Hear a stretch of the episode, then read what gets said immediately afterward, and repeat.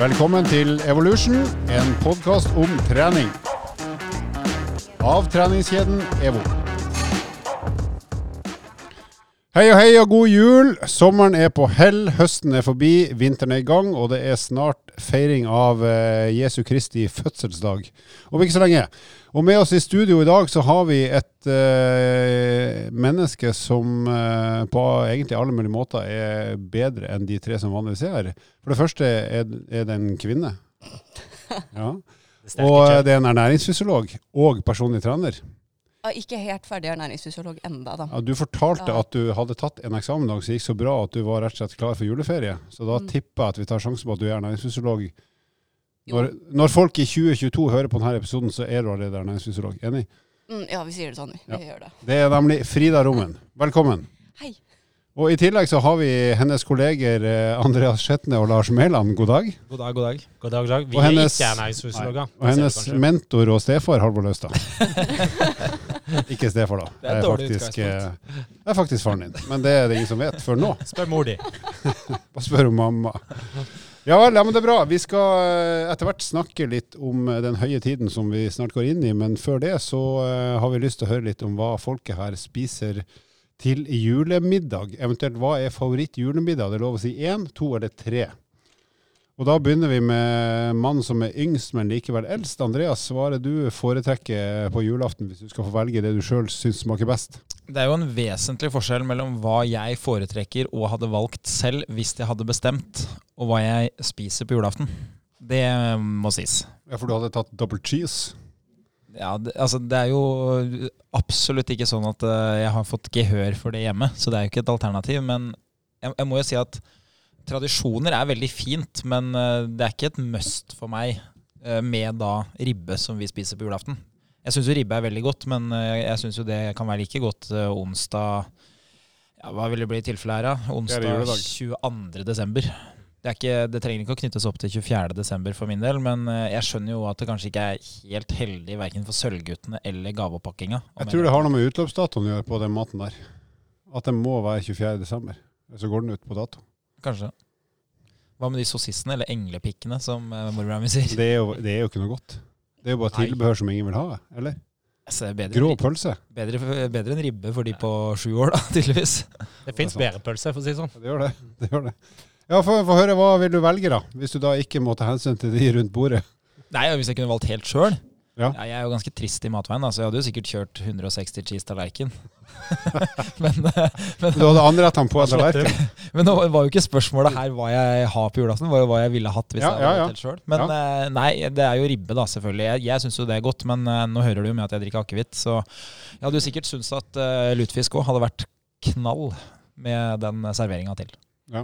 Så du eh, drikker deg til mot og til ukritisk smakssans, og så blir det meste godt? Nei da, altså ribbe syns jeg er knallgodt. Jeg er egentlig ganske lite sær på akkurat det. Men uh, morsom fun fact akkurat når det gjelder det, er jo at uh, når fattern var liten, så var det ikke mulig å bestemme.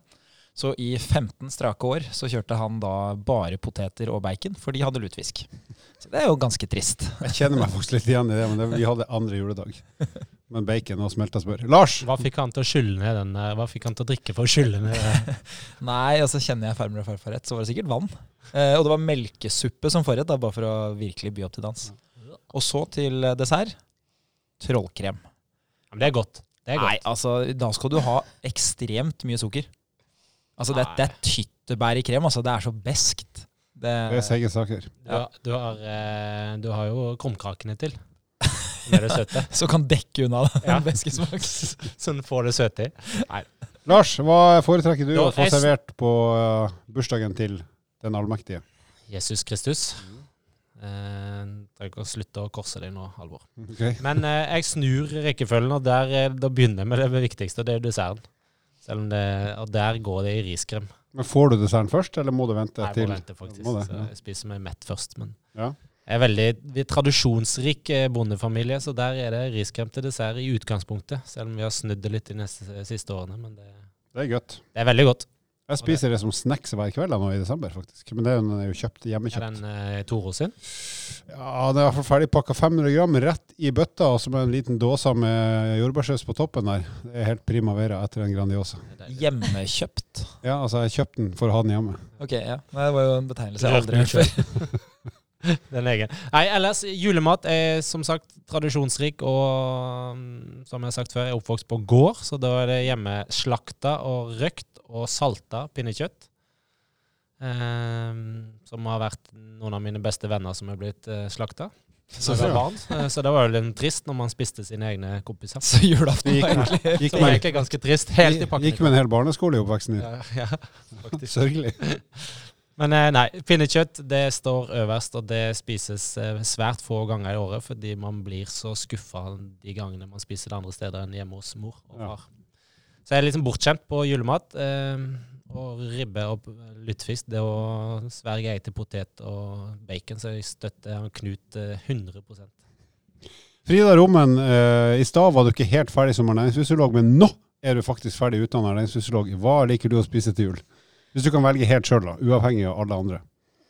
Ja, jeg vil jo kanskje si ribbe, da. Det er jo det som er tradisjon for, uh, for meg. Men uh, i år så har min far tenkt å på en måte jazze det opp litt. Og Ja. lage en italiensk variant av noe sånn Hva fant du ut at det het? Porchetta. Por, porchetta. Var med dialekten. Det er jo altså det er en vinner, hvis dere ikke har spist det.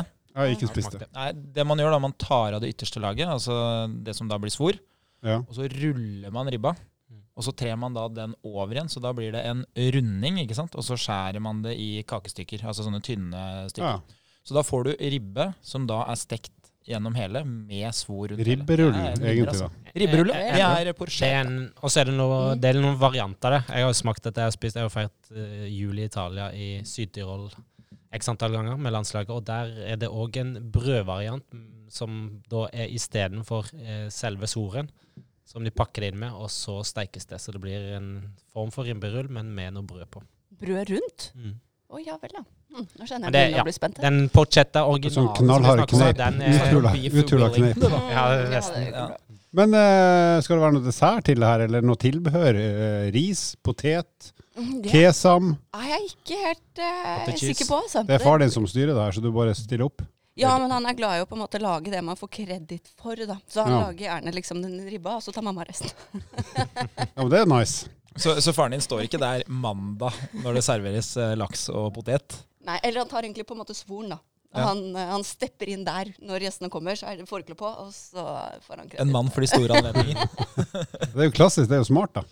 Ja, ja. Det er god strategi. Det er like smart som når du er på hyttetur med venner og ta ryddinga første kvelden. For da får du så kred for det, for alle gidder ikke det, og så er du, slipper du fri resten av helga. Regel 1. Vask alltid opp første kvelden. Da kan du bære med deg det stempelet. Merk deg det, Frida. Oi, det- det her ser jeg at du ikke har tenkt på før, men gjør det. Det. Stor innsats første kveld, slipper du resten av helga. Ok. Frida vaska opp de, de som gjør en på søndag, får null kred. De blir stående igjen alene. Ja, det, er, det pleier å være meg, det, kanskje. Dessert, da? Har du noe ønska der? Mm, da er jeg egentlig mest glad i på en måte sånn Jeg vet ikke hva det heter, de der som er med puffaris og sjokolade og noe greier. Det er egentlig den eneste julekaka jeg er glad i. Den og sånne Ja. mm, Hva heter de runde med sånn sukker på? Sånn bare smør, vet du. Eh, Sjokoladeboller, altså sånn Jeg vet, jeg tror jeg vet hva du tenker på, men jeg har ikke anelse om hva det heter. Hvis det ikke er De som pepperkake, så vet jeg ikke hva det heter. Nei, den som lå der ute. På på pulten til Alvor. Det var sjefen vår, det var Morten Hellevang, han er sjefen vår. Han skal du ikke ha med sukker på. Nei. Han skal du ikke ha ruller heller, det kan jeg love deg. Bra. Eh, hva liker jeg? Jeg pleier jo, når vi, hadde, når vi har lov å dra på julebord med gode og dårlige venner, så pleier jeg å bestille følgende meny. Gin Forrett, tonic. forrett, pinnekjøtt, hovedrett, pinnekjøtt, dessert, pinnekjøtt. Eh, så det hadde jeg nok valgt i år, eh, men vi skal til mora og faren min, og da blir det ribbe, og det er også godt, så da blir det ribbe til forrett, hovedrett og dessert. Og når vi har familiejul uten eh, mine eller andres foreldre, så blir det kalvemedaljonger, som faktisk er veldig godt. Til ribbe, Alvor, har dere sånne rosenkål? Eh, ja, vi har både surkål og rosenkål, men Nei, jo, vi har, så, jo, vi har rosenkål og surkål og rødkål. Ja, Har dere også, Ligger det noen svisker på Jeg, jeg bare lurer, fordi man Ja, feirer jeg tror mutter'n av og til har slengt opp noen svisker, men det er jo ingen som vil ha det hos oss. Så jeg tror kanskje hun ikke gjør det i år. Nei, for det, det er jo samme hos oss, at de, de blir jo alltid liggende igjen. Men det er alltid litt morsomt, fordi man feirer jo ikke jul med så mange andre enn familien. Så alltid sånn spennende å høre hva er det egentlig Altså Alle Ja, ja. tenker jo at man gjør det samme, men uh... Men det gjør vi ikke. Nei, men også har mutter'n fant hun ut noe smart for 30 år siden. Det var at uh, noe som alle liker som tilbør, det er potetgull med salt og pepper. Altså Bortsett fra at det er torsk, så er det så det er også noe som ofte er en bolle. Enten det er biff eller ribbe, eller noe sånt, så har vi litt potetgull med salt og pepper. Som kan være litt sånn her mellommåltid for de som ikke syns det er tipp topp. i dag har vi fiskepinner, og så har vi Og så har vi potetgull. 250 gram med salt og pepper. Nei, så det blir eh, knakende, bra- eh, knakende bra, tror jeg. Eh, og så har jeg bedt om, siden vi skal bort i jula til mor og faren min, at hvis hun er i tvil om hva hun skal servere til middag resten av jula, så bare ta biff hver gang. Så det blir i hvert fall ikke fisk. Ikke Grandiosa? Nei, ja, det blir mer mellommål. Men da blir det nok ribb, men da blir det biff sannsynligvis resten av jula. Men jeg har et eh, spørsmål her på vegne av eh, Kantar, eller eh, hvem er det som driver og gjør sånne undersøkelser? Norske Norske Veritas. Norsk Gallup. Opinion AS. Ja, stemmer. Spiser dere grøt, altså risengrynsgrøt, på dagen på julaften? Vi har tidvis gjort det, men det har ikke vært noen suksess hos oss, for det er ingen som liker det. Vi gjorde det før, men nå har vi endra, så vi har det ofte på lille julaften. Til lunsj på lille julaften. Og så smiskes den opp med krem, og så har du den til dessert Ja, for, på julaften. for det er vel egentlig en sånn ganske sterk norm at man Ja. gjør det, og så er det jo restene av det som skal bli desserten. Ja. Men Med eh, det er jo veldig få som gjør det. Jeg gjorde det jo hvert år i eh, over ti år, men det var jo fordi det var maten vi spiste på julebenk Mm. når vi maksløfta i benkpress. Og løp.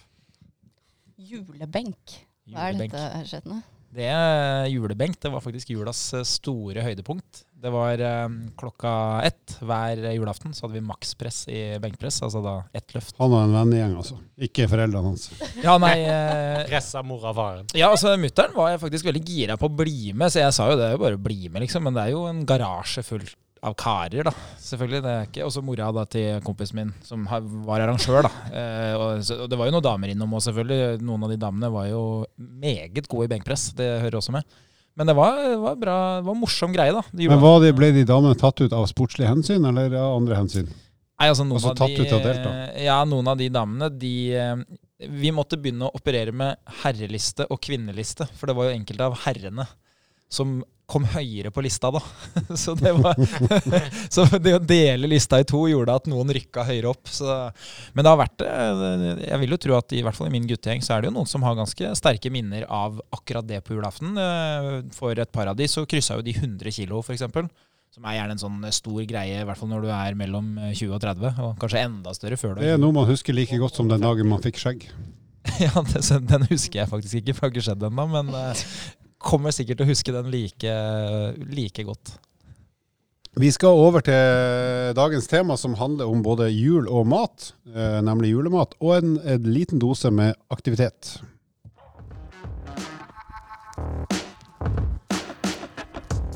Vi skal som jeg akkurat sa, snakke litt om uh, mat i jula. Vi spiser jo selvfølgelig mat i jula som til enhver annen tid, men uh, de fleste nordmenn har jo litt andre matvaner uh, fordi at det er en høytid som ofte blir prega av også det vi spiser og skal kose oss med. Og siden vi da har nå helt ferdigutdanna næringsfysiolog Frida Rommen her, så tenkte vi å spørre deg litt først.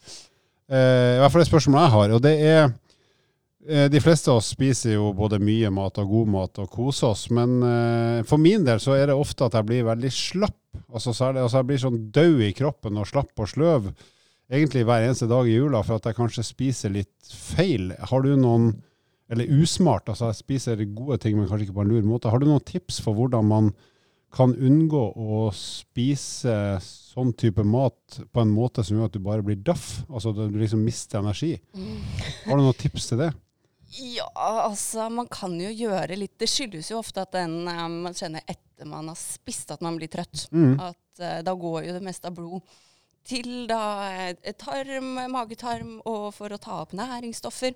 Så hvis man da spiser kontinuerlig gjennom hele dagen, så får jo aldri dette systemet egentlig ordentlig pause. Da. Så blir det ikke at eh, energien går til andre områder. Så da går det jo egentlig meste til fordøyelse gjennom hele døgnet. Så det å redusere bare totalinntaket kan være en god ting. Eller Mm. å da fordele sånn at du i hvert fall får en tre-fire timer mellom måltider da, uten inntak.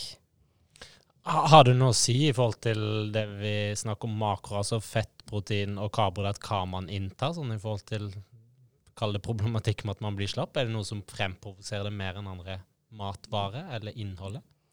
Oi, det er jo dette her med um, Oi, nå ble jeg litt usikker. Jeg har ikke lyst til å si noe gærent. Nei, Det gjør det her er ingenting. Det har du gjort allerede, så det går bra. Jeg har sagt altfor mye. Jeg har, det er grunnen til at Det jeg spør, har- er fordi jeg har en antakelse at eh, for mye eh, fett kan jo gjøre at man kanskje blir litt grann slappere, eller feit mat, da. At man føler seg eh, litt eh, Ja, rett og slett slapp. Mm. Ja, så det er jo, jo mer krevende der. Det er jo litt ulikt hvor krevende ulike matvarer er for kroppen å bryte ned. Så typisk de med høyere proteininntak og, eller innhold og eh, fiberinnhold og sånn krever jo mer da høyere termisk effekt. Som gjør at det koster kroppen mer energi å bryte det ned og hente ut energi fra det. Men det gjelder jo da ikke dette fettet i så stor grad at det er jo veldig energirikt. Og så er det jo ofte at man får i seg ganske mye da, i løpet av jula. Så da er det jo ganske mye energi kroppen har skal transportere rundt. Men litt tilbake til det du sa med at eh, sånn som for meg, da, at jeg kanskje måltidene sklir over i hverandre. Det er liksom ikke noe forskjell på Det bare blir frokost, lunsj, middag, kvelds i ett. Hva er en smart måte å tenke måltidsrytmen på i jula, hvis du skal unne deg å sove litt lenger og slappe av litt, men likevel ikke være helt dust, sånn at det blir en, en det at det blir gode dager med mer enn bare å sitte stille og spise? Hva, hva er lurt å tenke deg, sånn måltidsmessig, i rytme og slikt? Om man klarer å få til en tre til fire timer mellom hvert måltid, så er det en fin tommelfingerregel. Fordi det er typisk den perioden sin. Når man da ikke spiser på disse timene, så er det jo at kroppen må hente energien sin fra energilagrene. Og det er jo da lagra glykogen, og man har jo fettreserver. Og så, får, så må kroppen hente energien derfra. Og så når man da spiser igjen, så er man jo i en lagringsfase. Så blir det en sånn vekselvirkning i løpet av dagen. Så man ender totalt sett ofte da i energibalanse, hvis man klarer å regulere det riktig med mengde. da. Men hvis man ikke får disse oppholdene mellom der hvor man, kroppen bruker da egen energi, så har man jo da netto mer lagring, og da vil jo vekta øke. Og som familiefar så vil jeg spørre deg neste oppfølgingsspørsmål. Hvis vi klarer å få til en sånn høvelig måltidsrytme, så vi har noen timers opphold, Mm. når vil det være taktisk smart, både for egen del og barnas del, å gjøre noe aktivitet, altså få folk ut i lufta for å på en måte bryte opp litt av en slapp og hyggelig juledag? Er det type etter frokost, eller er det før middag, eller er det egentlig ett fett? Mm, Egentlig litt ett fett, men å få til rundt de mest energitette måltidene. Så hvis det er typisk middag som er eh, veldig energitett, så ser man jo at eh, det bidrar til å på, få en mer gunstig lipidprofil fortere hvis man f.eks. er i aktivitet etter et veldig eh, høyfett måltid. Da. Jeg håpa veldig på at svaret skulle være rett før fem og rett etter fem. Jeg, nå. Så at Halvor tar piske ut unga der tidlig, og så rett etter Sølvguttene har sunget jula inn, så skal du piske dem ut igjen. Men egentlig etter en litt sånn hyggelig, stor, tung lunsj, kanskje få seg litt bevegelse, og etter middag så spørs det om alle gidder å gå ut, men da må jo jage rundt juletreet med høye kneløfter for å få litt fart på både aktivitetsnivået og litt andre prosesser, sånn at eh, vi er klar for litt kveldsmat òg, så vi ikke bare sitter og blir daff. Ja, siden det er jo det er veldig mange positive ting med dette energioverskuddet man får også. Så det gjør jo at man er i en veldig god posisjon for å, som Skjetne driver på ta tar en ny maks i benken f.eks. Det er jo en veldig bra måte å på en måte utnytte de ekstra kaloriene på. Ja, for dere tok det her på formiddagen, eller? Ja, det var Julebenken, altså. klokka ett på formiddagen. Så, og det, altså det hele jula, altså i hvert fall førjulstida, gikk jo med på å liksom rigge til det maksløftet her. Så det er jo mange en gang jeg har måttet bruke helga før jul på å liksom gjøre de siste tunge løftene. Og det, det har jo, jeg kan jo si sånn det har jo prega inngangen til julaften. Det, det er jo kjent hjemme hos meg at eh, når jeg skal prestere noe som betyr mye for meg, så blir jo humøret ikke akkurat uh, veldig bra. Det blir ganske seriøst. Så Spørsmålet om det har prega deg etterpå? Innen ja, altså det, heldigvis da, for eh, både meg og omverdenen så gikk jo julebenken ganske bra i mange år. Ja, for hvis du hadde en dårlig julebenk og heller ikke fikk de julegavene du ønska deg, da var du egentlig ferdig med livet ditt for det året der? Nei, det var, da hadde jo jeg allerede passert nyttårsaften i hodet. Da var jo jeg allerede på neste julebenk. Men Frida, eh, hvis vi tenker at ok, jeg skal ha god mat, julemat skal ha tradisjonell mat, men jeg har også lyst av og til i jula å gjøre noen smarte, jeg kaller det sunnere valg i matveien. Altså erstatte kanskje de tyngste måltidene med noe annet. Hva er det som kan være sunnere eller magrere alternativ til den klassiske norske julematen, som jo ofte er mye kjøtt og fett og salt? Er det noen andre matvarer som eh, kan oppfattes og oppleves som like hyggelig som eh, det vi tradisjonelt spiser til jul? Like hyggelig, men ikke like Ja, så jeg tenker det er jo Noen andre land har, jo- bruker jo kalkun, f.eks. Sånne ting. Det, vi har jo det på nyttårsaften. Er det sånne ting? Er det kurant? Ja, så absolutt. Siden det er jo det verste, verste og verste, men det som på en måte er eh, negativt for helsa med denne julematen, er jo typisk dette metta fettet. Så eh, metta fett er jo alt dette som kommer fra animalsk opphav, sånn som en tommelfingerregel. Eh, det er ganske mye av det. Det er jo både smør og ribbe og pinnekjøtt og eh, alt som er fete sauser. Og å få redusert totalmengden av dette, det er jo løsningen. Så om man klarer å redusere det ved å ta mer av kålrabistappa og litt mindre av ribba. Skjære bort det som er rent fett, og gjøre litt sånne småting vil kunne gjøre en stor forskjell. da. Mm. Så skjær bort synlig fett, iallfall noe av det, hvis du har lyst til å begrense nærings, altså energiinntaket, rett og slett. Mm. Men, eh, men spis det som kanskje de fleste syns er godt, nemlig kjøttet. Kan være en variant. Fisk, da. Ja, Fisk er veldig bra. Ja. Så, eh, men det er, jo det, det er jo ikke like Jeg personlig er ikke så glad i fisk. Nei, det er jeg for så vidt sånn ikke heller. obligatorisk når man er voksen, føler jeg, å være glad i fisk. Jeg går heller for biff. Ja, ja, så. Fisk blir jo veldig fort liksom hverdagsmat i utgangspunktet, hvis man er vokst opp med det. Og Ja. eh, det å ha lettsalta torsk eller lutefisk er jo egentlig mer eller mindre det samme. Det er luten som er forskjellen, og det er litt på smaken og ikke Luten og gluten. lukten. ja, det er det, da. Så ja. Glutenfisk, er det noe som heter det? Glutenfisk. Glutefisk. Nei, nå skal jeg være stille. Frida, vær så god. Nei, det er jo denne man ser jo ofte på at, og tenker at jula er en sånn lang periode, men det er jo egentlig ikke det. Det er vel da egentlig julaften første og andre dag, uh, som Ja. er de dagene hvor man egentlig har mest utskeielser. Alt utover det er jo egentlig i større grad hvis man har et ønske om å kose seg veldig med uh, julekaker og sånne ting gjennom hele desember. Det er jo da det ofte blir en utfordring. Siden får man disse tre-fire dagene, så er det veldig liten prosentandel av et år. Så man da bare ikke tenker på det og spiser og koser seg og blir stappa mett da, og er lite aktiv og er i et høyt kalorioverskudd, så gjør ikke det egentlig så mye for folk flest. Men du må stramme deg inn litt tredje juledag. Ja, og gjerne holde resten av året bra, da. Mm. Holde helt til neste tredje juledag. Mm, det, det er en bra ting. Jeg, jeg tror det du sier der, er, er veldig viktig for veldig mange å få med seg i forhold til det man potensielt har som et mål, og det er jo vektreduksjon og endre kroppssammensetning, som mange tenker på.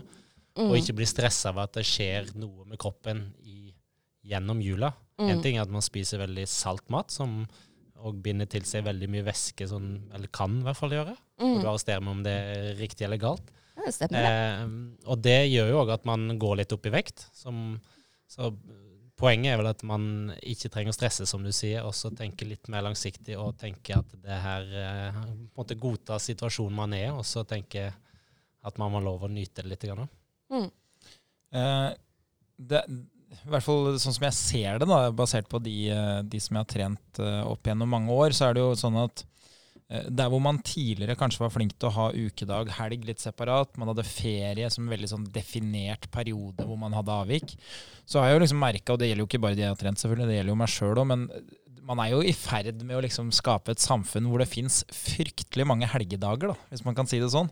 Uh, og det jeg ser, er jo at mange av de, eh, de har en påskeferie, uh, gjerne som første, den første krasjlandinga da, ikke sant. Eh, Man har kanskje kommet inn i en fin treningsrytme på vinteren. Alle dagene er like. Uh, ukedag og helg er godt separert. Man har liksom kommet i gang etter, eh, etter nyttår.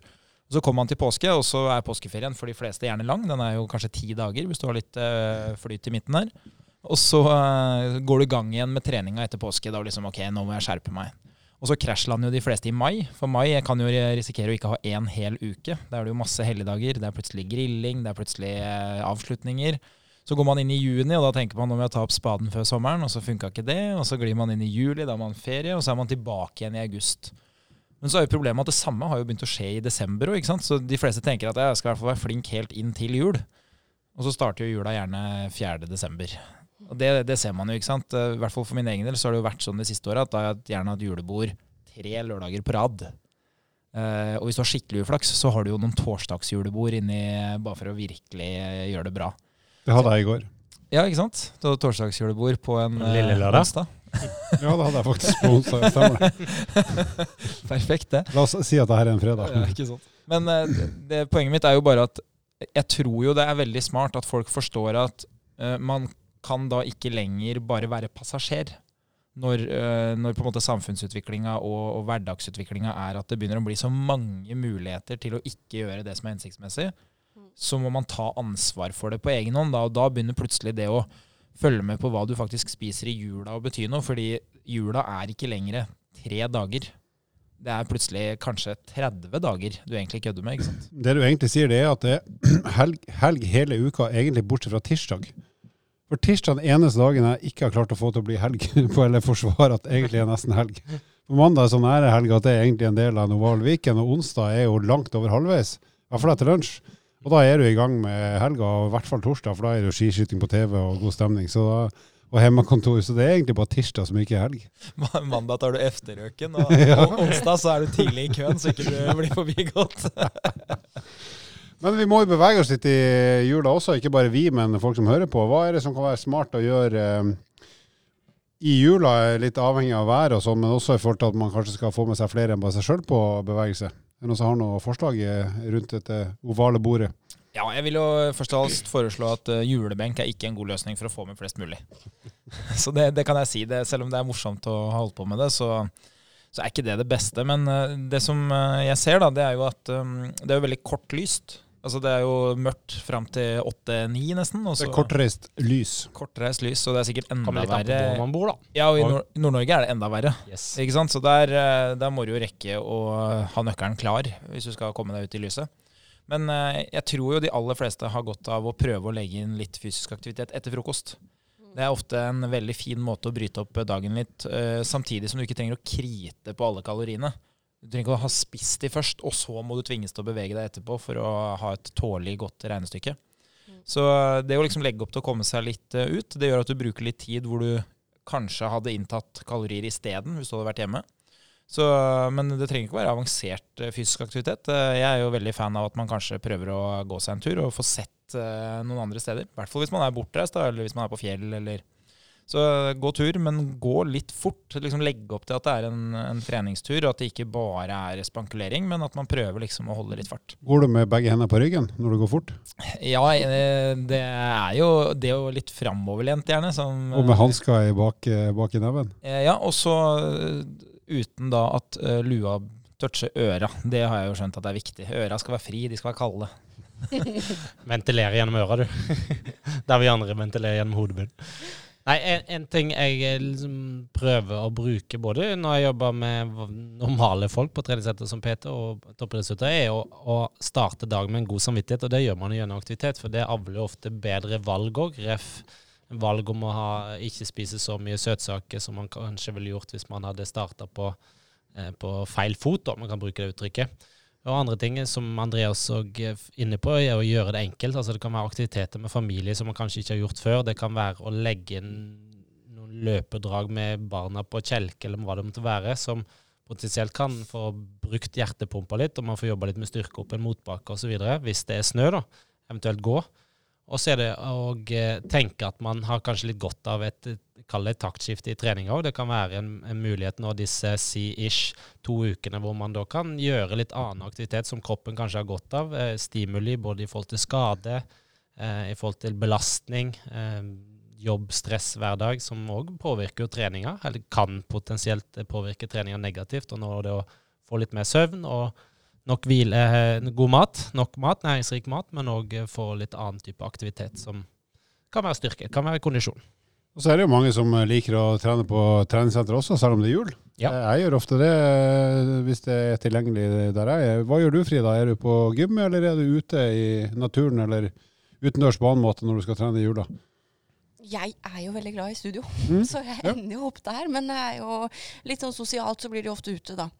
Ut på langrenn eller ut på turer og sånne ting. Syns jeg er veldig fint å gå turer, for det er litt sånn to fluer i en smekk. Man får sosialtid med en venninne eller to, og man får bevegd seg. Og Uh, man tenker ikke like mye på at man gjør noe veldig fornuftig. Mm.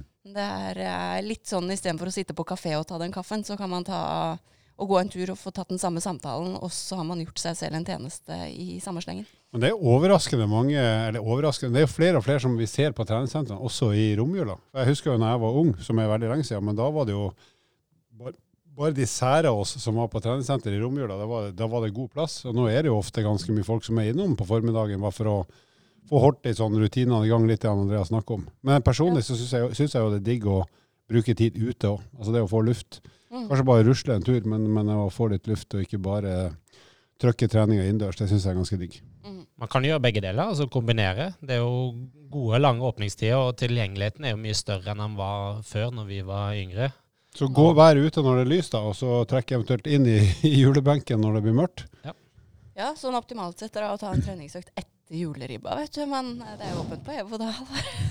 Da har jo jeg gått opp to vektklasser, så det spørs om jeg får til. Det, er, det hører jo med her, da, at um, de siste årene av julebenken så, så blei den flytta til treningssenter pga. Uh, det stedet vi arrangerte. Men uh, da var jo foreldrene mine med og trente, og det er en sånn fin greie å ha på julaften. At man er litt fysisk aktiv på dagen, og så uh, spiser man og koser seg på kvelden. Og det som jeg pleier å legge opp til, er jo at man kan ha litt aktivitet eh, som man kan ha rigga litt på forhånd. Kanskje man kan ha noen konkurranser eller noe sånt. Så blir ofte de tingene vel så morsomt som liksom selve kvelden og oppakkinga, som gjerne følger et ganske rigid mønster som har eh, satt seg. Da.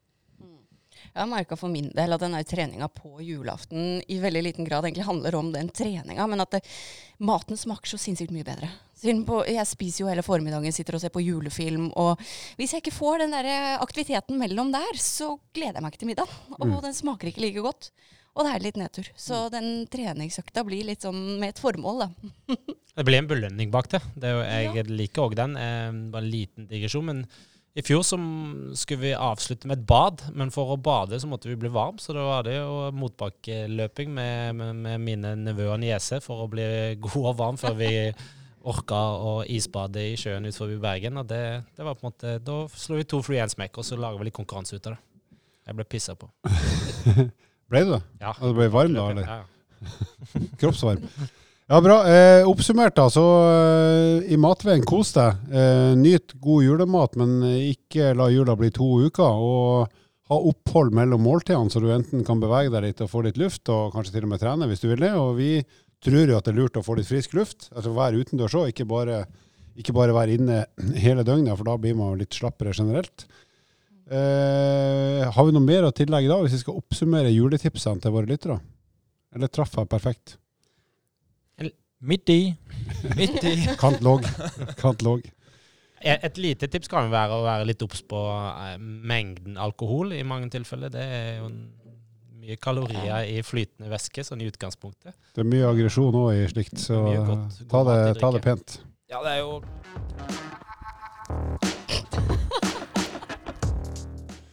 Det er bra. Eh, etter oppsummeringa så skal vi også oppsummere noe annet, nemlig uka som har gått. Og ting vi har merka oss siden sist. Og Andreas, du var på vei til å ta ordet, og så tok jeg det fra deg ved hjelp av en lyd, og det beklager jeg på det groveste. Men nå skal du få lov å ta ordet. Hva har du registrert siden sist? Uh, hva jeg har registrert siden sist. Uh, det var egentlig det jeg prøvde å skyte inn her meget raskt. At det har kommet meg for øre at uh, Kjetil Rekdal er klar for Rosenborg. Oi, det er bekreftet. Det er bekreftet på offentlig hold, tror jeg, ettersom VG rapporterer det. Så. Var det for at vi snakka om alkohol at du kobla det, eller var det helt tilfeldig? ja, det var det. Nei da. eh, det endrer jo alt. Eh, Jeg lurer på om hvem, det er best for, om det er Rosenborg eller Hamar. Jeg, jeg vil jo, som eh, ekte Rosenborg-fan, det er både tvunget og frivillig. Mamma og pappa er fra Trondheim, så det er ikke noe valg, men jeg har jo også vært eh, frivillig òg, hvis jeg kan si det sånn. Du har vært trollunge. Eh, men det som er spesielt, er jo at Kjetil Rekdal har jo tidligere uttalt at eh, er det én klubb han ikke skal trene i Norge, så er det Rosenborg, for det er en forbanna drittklubb. Så det er jo alltid morsomt når folk liksom må spise de ordene, apropos julemiddagen. Ja, og når han sa det, så var han vel neppe så veldig aktuell i, i den rollen, som han har blitt nå. Nei, det Det mens han var Vålerenga-trener, hvis jeg ikke husker helt Ja, feil. stemmer det. Og nå står det jo igjen en eh, 3000 forsmådde fans på Hamar, så jeg liker jo det når det blir litt furore. Jeg er veldig spent på det. Jeg må innrømme at jeg tror ikke det blir en perfekt match. Men det er litt i forhold til den kulturen og tradisjonen Rosenborg har hatt, med trenertyper og der, eh, at den klubben er noe mer enn bare et fotballag som spiller Så jeg er usikker på om han passer inn i den historien der. Men det kan hende han gjør det. Ja, så Nå skal ikke vi dra av gårde på fotballprat, men eh, jeg, tror Ida uan, ser ut som et spørsmålstegn. jeg tror uansett at eh, alle eh, lagspill hvor du skal ha en god trener, så tror jeg det er smart at treneren har nesten høyest verdi i laget. Hvis man går gjennom og ser på de aller aller fleste eh, som har vunnet noe stort, så er det veldig vanlig i lagidrett at uh, treneren utmerker seg enten som et geni eller som en gærning. Eller altså at uh, interessen for laget er også knytta til treneren. Det er veldig sjelden at treneren bare er uh, en eller annen person som går i kulissene. Og akkurat det punktet, det, det kommer Kjetil Rekdal til å dekke. Det er ikke noe tvil. Jeg vil trekke frem eh, våre kjære håndballdame. Det er jo noe som hører førjulstida til. Det er jo alltid en snakkis og alltid hyggelig når man eh, kommer inn i desember der, og det er et mesterskap og eh, bla, bla, bla. Nei, det, nei de, de er viktige i forhold til tradisjonene. Når, man, når jeg ringer til mamma, så er det det hun snakker om, er hvordan det gikk med håndballjentene. Spiller de EM-VM nå? Ja, EM-VM, tror jeg. Det er vel det. VM er bare europeiske lag i topp åtte. Det spørs når, hvor langt ut i turneringa du kom. ja, det starter som EM, og så Ja. blir det VM i tampen. Ja. Ja, for nå er det vel semifinale mot Spania. det- så er det vel Så de har- gjorde en god kamp mot Russland i går, og gjorde en veldig bra kamp mot Nederland for noen dager siden. Så slo de vel et par kjempegode lag med 40-50 mål for et par uker siden òg, gjorde de Ja. ikke? Det er jo morsomt å ha et VM med tullelag. det som er litt gøy, det er jo tullelag. idrettsgleden eh, når de spilte Hvem var det mot? Var det Iran? I, med, Ja, Jeg tror det var belgisk Kongo. Ja. men når keeper til Iran blir kåret til banens beste, og den idrettsgleden de viser i, eh, i burka, er fantastisk. Hvor mye kunne de vise med burka? Nei, det var TV-bildene vise. Ikke sant? Kroppsspråket sa alt. Ja. Andre ting som vi har merka oss, er har vi truffet med det viktigste, nemlig sport. som vanlig. Frida, når du har registrert eh, i ditt eget liv eller andres liv som du tenker er verdt å nevne på eh, luften? Oi, nei, sånn absolutt ikke. For jeg har bare sittet inne og lest det. Ja, du har jo hatt eksamen. Det kan du nevne. Ja, så jeg har fått med meg særdeles lite av omverdenen. Men den, eksam den, ek- den eksamen du skulle ha, skulle, skulle egentlig være fem timer med skriftlig, og så ble den omgjort til en halvtime muntlig. Ja, det er, um, det er julegaven sin. Og det ville de fleste tenkt oi, det blir skummelt å snakke, men du syns det var helt topp? Jeg syns det er kjempefint, jeg. Altså, det går jo veldig fort over, da. Det, det er jo mer smertefullt, men det, er, det går fortere over. Og så gikk det, hvor bra gikk det? Jeg spurte deg i stad om det gikk bra eller kjempebra, og du svarte Kjempebra. Ja, jo, jo, det er, det er juleferie nå. ja, det er digg. Gratulerer. Frida var borte og lærte sensoren bare et par ting, så sensoren ikke kunne. Nå skal du høre her. Sensoren noterte. Ja, det er bra. Nice. Da tror jeg vi er veldig nær å si uh, god jul. Skal jeg i regi av God jul og hva som har skjedd siste uka, skal jeg ta en liten Halvor-vits. Ja takk. Eh, det siste som skjedde før Kjetil Rekdal uh, kom på VG her, det var jo en annen stor nyhet fra Norges Bank. Og det var jo at de presenterte den italienske finansministeren. Renta skal opp. God jul, Halvor. Det her er, det her er, det er nitrist og morsomt uh, på samme tid. Så vi sier god jul. Det er jo deg. Det er Det er meg. God Ja, ja, ja. God jul, folkens. Vil du vite mer om trening?